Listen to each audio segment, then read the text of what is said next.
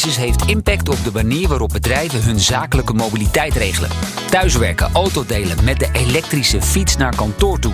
Mobiliteit verandert. En de vraag is, hoe beweeg jij als ondernemer? In de podcastserie Mobiliteit Hoe Nu Verder ga ik, John van Schagen, op zoek naar antwoorden op de belangrijkste vragen over zakelijke mobiliteit. Reis je mee? Zo blijft je bedrijf op een slimme, duurzame en efficiënte manier in beweging. Oh ja, en deze podcast wordt je aangeboden door leasemaatschappij Alphabet.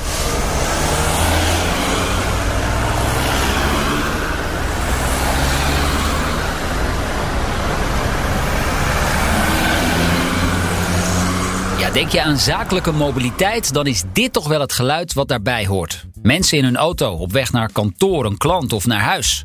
Alleen, het is nog de vraag in hoeverre dat over een paar jaar nog steeds zo is.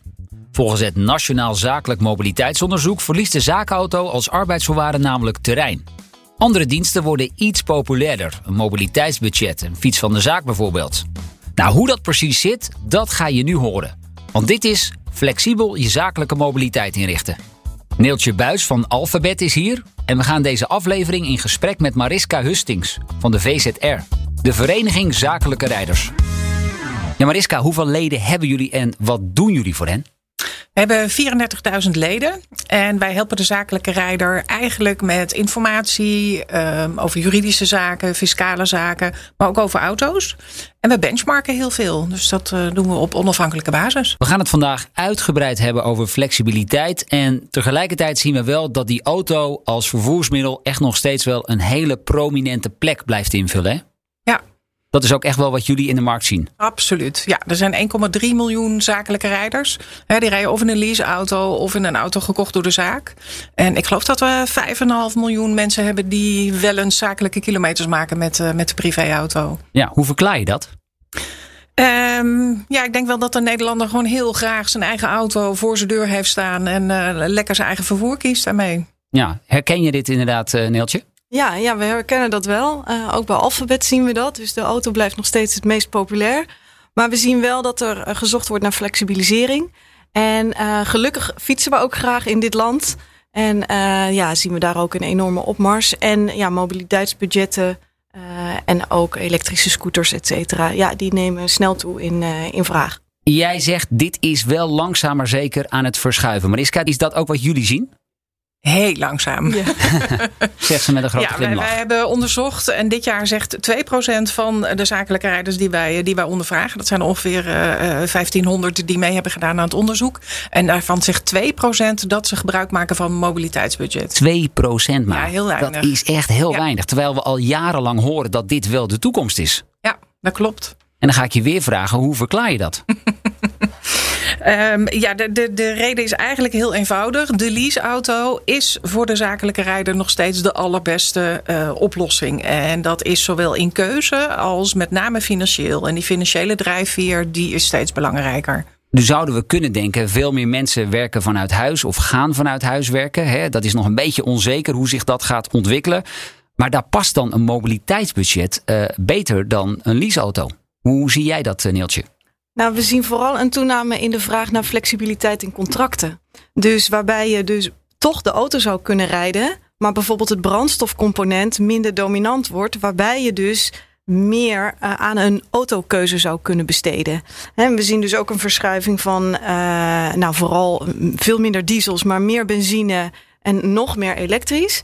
En mensen willen eigenlijk dat gat zelf benutten en invullen.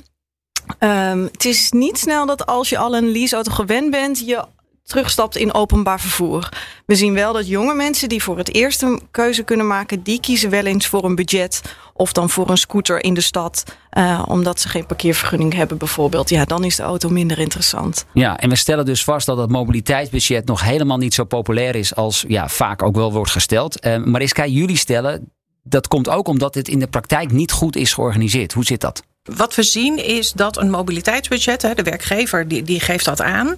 De, de bedragen zijn heel eenvoudigweg nog niet hoog genoeg. Um, ik zie langskomen dat werkgevers zeggen van nou, je leasebudget is uh, 800 euro en je krijgt een mobiliteitsbudget voor 400 euro. Dat is één. Dus de bedragen zijn eenvoudig te laag. En het tweede is dat um, er ook administratief wat geregeld moet worden. Als je het mobiliteitsbudget namelijk direct bij het salaris uitkeert, gaat daar inkomstenbelasting overheen. Dan hou je van die 800 euro als je 49 uh, procent inkomstenbelasting betaalt, de helft over. Nou, succes met het inkopen van je, van je mobiliteit. Dat gaat niet lukken. Nee, en dat zouden we dus op een andere manier moeten organiseren. Wat, wat stellen jullie voor? De VZR geeft aan dat we eigenlijk willen dat die uh, belasting op de mobiliteitsbudgetten, dat die ook naar 22% zou moeten gaan. Dus gelijk eigenlijk met, met, uh, met de auto- of mobiliteitsbelasting, uh, wat bijtelling nu is. Ja. ja, dan kijk ik even naar Neeltje. Wat, is dat een goed idee? Ja, wij herkennen dat wel. We zien ook dat bedrijven het lastig vinden. Dus ze kijken eigenlijk naar het component van het leasetarief. Ja, en kunnen we daar dan mobiliteit voor uh, leveren? Uh, of ze zien het als kostenreductie, waarbij ze denken: Nou, dat is misschien wel handig, dan hebben we minder grote vloot. Um, maar dat klopt dus niet. Want inderdaad, met een voorbeeld van 400 euro uh, netto, ja, kom je niet meer uit en kun je niet concurreren met de leaseauto's die je had. Um, in jullie onderzoek, Mariska, geeft ook 20% aan dat ze eigenlijk helemaal niet zo goed weten wat een mobiliteitsbudget inhoudt. Dus er is ook nog wel wat missiewerk te verrichten. Ja, wij proberen van onze kant natuurlijk die zakelijke rijder heel goed te informeren van let op wat je gaat doen. Wat ga je kiezen daarna? Hè? Kies je voor een privéauto die je al hebt? Uh, kies je voor een private lease auto? Daar zien we ook wel enige ontwikkeling in. En er zitten allemaal voor- en nadelen aan. En als dan uh, mensen uiteindelijk wel voor een mobiliteitsbudget kiezen, dan zien we tegelijkertijd ook dat 80% van de mensen alsnog voor die auto kiest. Enorm, hè? Ja, we zijn gewoon ja, simpelweg niet uit die auto te slaan. Nee, nee die, die auto blijft. Wat we wel uh, licht zien gaan verschuiven, zeg maar, is dat uh, de keuze steeds meer bij de werknemer komt te liggen. He, en, uh, iemand die een, een Peugeot 208 aangeboden krijgt en drie grote tieners heeft, ja, die is misschien helemaal niet blij met die leaseauto. Dus die keuze naar de werknemer, ja, ik denk dat we daar allemaal voor zijn. Maar het moet wel goed geregeld zijn. Dus of, en de financiën moeten op orde zijn. Liefst uh, moet je de kosten af kunnen trekken van het bruto bedrag. En dus je inkoop van je mobiliteit. En als je dan nog wat overhoudt, is dat leuk. Maar ook de risico's komen daarmee steeds meer bij de werknemer te liggen. Rij je eigen auto totaal los. Ja, dan is het een ander verhaal dan wanneer je dat met een leaseauto uh, doet. Dus uh, daar zitten echt wel, wel risico's aan. Voor ja, en, en lees ik hier tussen de regels door dat je eigenlijk zegt van ja, die risico's die moeten niet te ver doorschuiven naar die medewerker.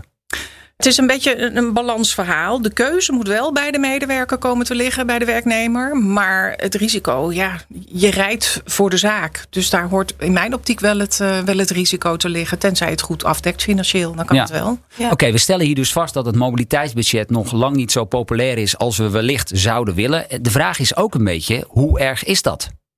Neeltje. Nou, ik denk dat het belangrijk is dat we het aan het ontwikkelen zijn. Ik weet dat we in 2014 al een studie hebben gemaakt binnen Alphabet. En we waren er klaar voor, maar het werd toen helemaal nog niet gevraagd. Inmiddels zien we dat er heel veel vraag naar is. Maar de echte conversie naar nou, wie gaat het implementeren in bedrijf, dat gaat langzamer dan verwacht. We zien ook wel een tussenoplossing en die is ook wel heel mooi. Waarbij mensen voor een lagere klasse kiezen van een leaseauto, maar het bijvoorbeeld aanvullen met een fiets. En ik denk wel dat dat heel belangrijk is en dat we op die manier gewoon flexibeler worden dan alleen maar focussen op die auto. Want het is ook wel belangrijk dat uh, ja, Nederland mobiel blijft. En dat we toch uh, vrij soepel van A naar B kunnen. Oké, okay, je zegt dus een, een, iets, uh, een leaseauto in een iets lagere prijsklasse en daarbij dus een fiets. Is dat iets wat nu heel langzaam maar zeker aan het gebeuren is? En zien jullie daar wel een stijging in? Ja, dat zien we echt. Dus uh, de medewerker wordt uh, veel eigenlijk dominanter in het beslissingsproces. Vroeger hadden we ook uh, meestal te maken met, met de uh, die de beslissingen nam. Inmiddels zien we ook dat de financiële directeur met ons aan tafel gaat. De HR, de OR, iedereen vindt er wat van. We hebben ook natuurlijk zeer steeds uitdagendere doel, meer uitdagende doelstellingen op duurzaamheidsgebied. Dus ook sustainability managers denken mee over het topic mobiliteit. En, um, maar we mogen zeker de bereider die de keuze maakt niet vergeten. En die zegt soms, nou, ik hoef niet zo'n dure auto. Ik ga voor wat lagers en uh, lagere prijsklassen. En ik vul het aan met een fiets bijvoorbeeld. Ja, en zien jullie dat ook verschuiven sinds de coronacrisis? Ja, ja, daar zien we wel dat iedereen heel kritisch is nadenken over uh, de eigen portemonnee. Ja, want die leaseauto die stond daar. Die, die stond daar. Niet zoveel kilometers, maar je moest wel betalen. Ja, en dan wordt het best wel inzichtelijk van wat je iedere maand kwijt bent aan bijtelling. Terwijl je auto stilstaat. Um, maar we zien ook aan de files deze dagen weer van dat eigenlijk dat probleem weer naar de achtergrond verschuift. En iedereen het wel heel prettig vindt dat hij daar nog staat. Ja, het is inmiddels uh, al best wel weer druk op de weg. Het is best druk weer, ja. ja. Dus inderdaad. En we gaan de winter in en dat zijn allemaal factoren die meespelen. Dus uh, ja, de auto blijft. Ja. ja. Uh, Mariska, hoe zien jullie dat? Dus wellicht dus een lagere prijsklasse en dan aanvullen met andere vormen van mobiliteit. We zien zeker dat dat, dat, dat gebeurt. Hè? Waarbij de fiets, uh, zeker ook omdat die, die bijtelling van de fiets is maar 7% sinds, uh, ik dacht een jaar geleden. Uh, dus daar zien we echt wel wat in. Maar de echte zakelijke rijder, noem een accountmanager ja, die gaat helemaal niet op de fiets. Die stapt gewoon in de auto en die gaat dat doen. Ja, want als jij een accountmanager bent in Harderwijk en je hebt een klant in Zwolle en de volgende keer in ja. Deventer, ja. ja. dan fietsen is leuk, maar dan liever op zaterdag en zondag in je vrije tijd. Precies, dat kan ook hè, bij dat soort contracten. Dus, uh...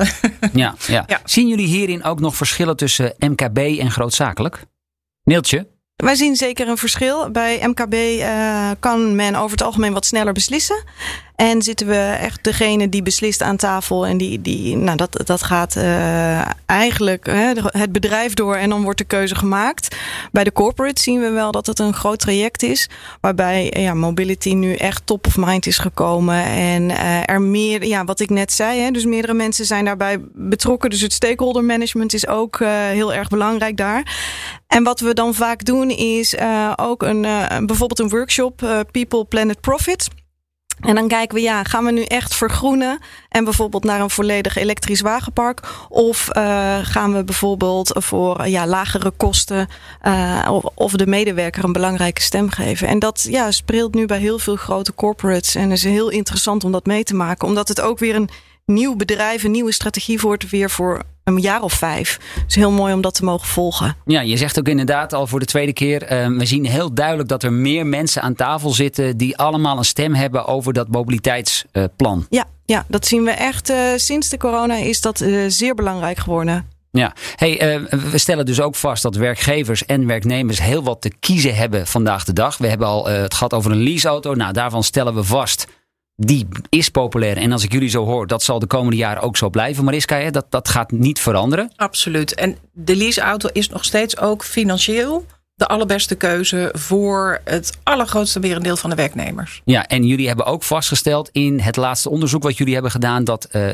financiële drijfveren nog steeds de belangrijkste reden zijn waarom mensen wel of niet overstappen. Ja, dat klopt. Hè. Dat, dat zien we aan de stimulering natuurlijk van de elektrische auto's met de, de 4 en inmiddels 12, uh, volgend jaar uh, 16% bijtelling. En uh, ja, dat, dat, zo werkt het gewoon in, ja. bij de Nederlanders. Ja. ja. Nu hebben we de fiets van de zaak al een aantal keer aangestipt. Hè. Die pedelecs van vandaag de dag die gaan 45 km per ja. uur. Ik heb er laatst nog op eentje mogen rijden. Het is best wel gaaf als ik heel eerlijk ben. Zien jullie wel die populariteit echt wel toenemen op dit moment?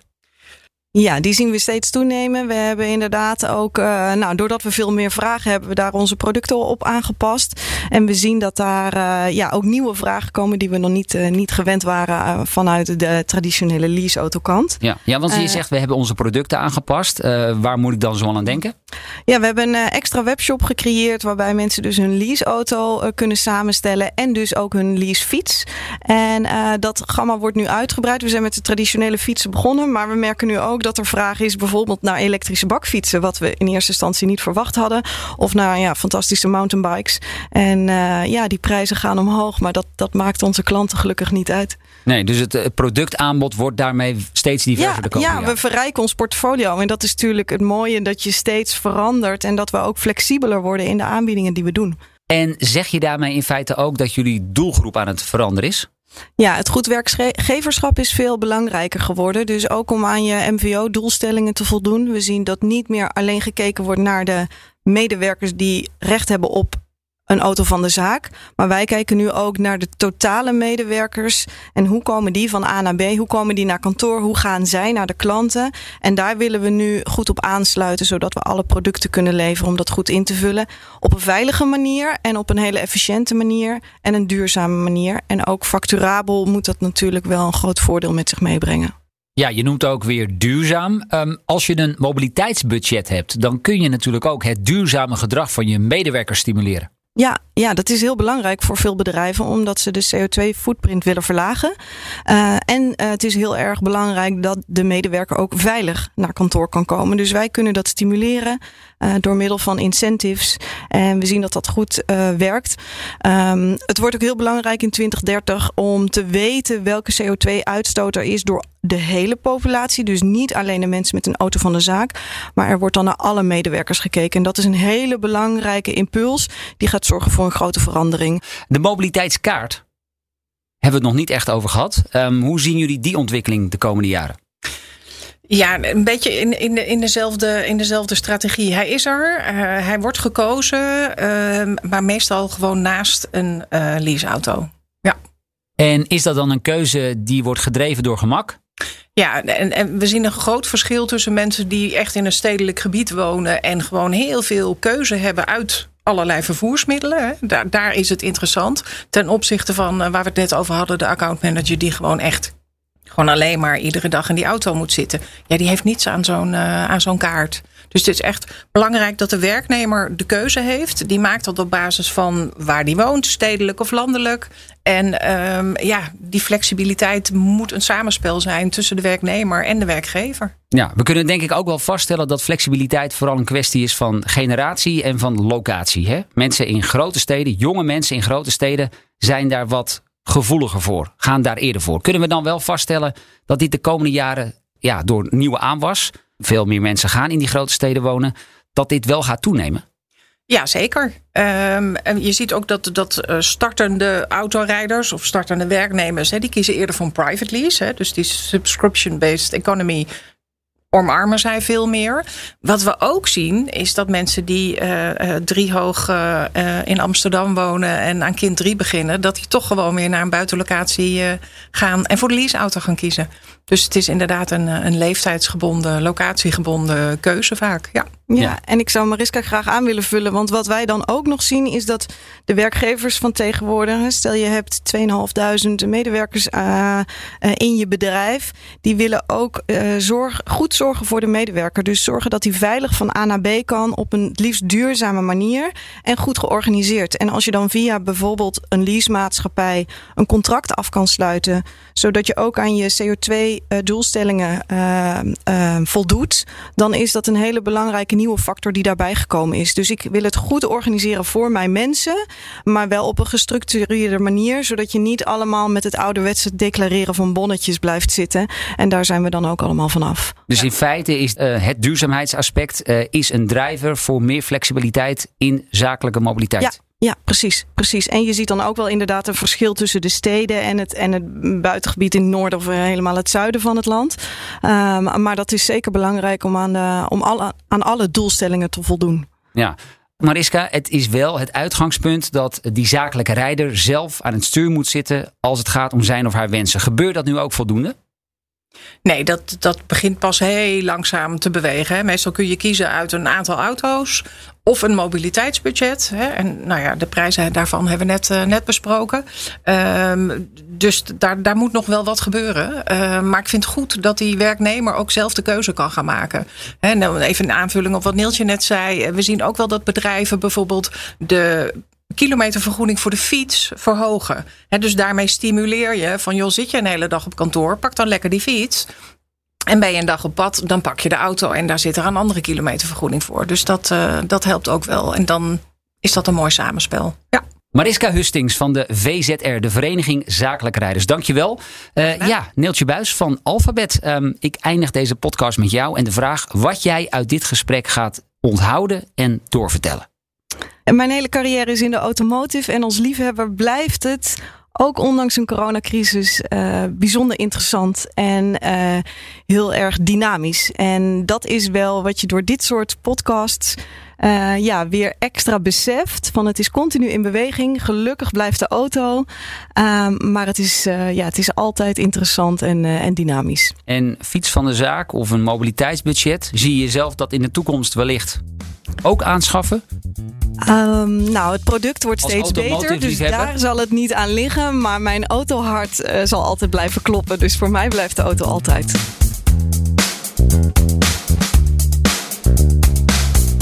Dit was aflevering 3 van Mobiliteit Hoe Nu Verder. Een podcastserie gemaakt door mij, John van Schagen van BNR... in opdracht van leasemaatschappij Alphabet. Luister ook naar onze andere aflevering in deze serie over mobiliteit na corona en de transitie naar duurzame rijden. In de volgende podcast ga ik in gesprek met twee bedrijven die vertellen hoe zij hun zakelijke mobiliteit hebben ingericht. En vind je deze podcast interessant? Raad hem dan ook zeker even aan bij vrienden en collega's. Dank voor het luisteren.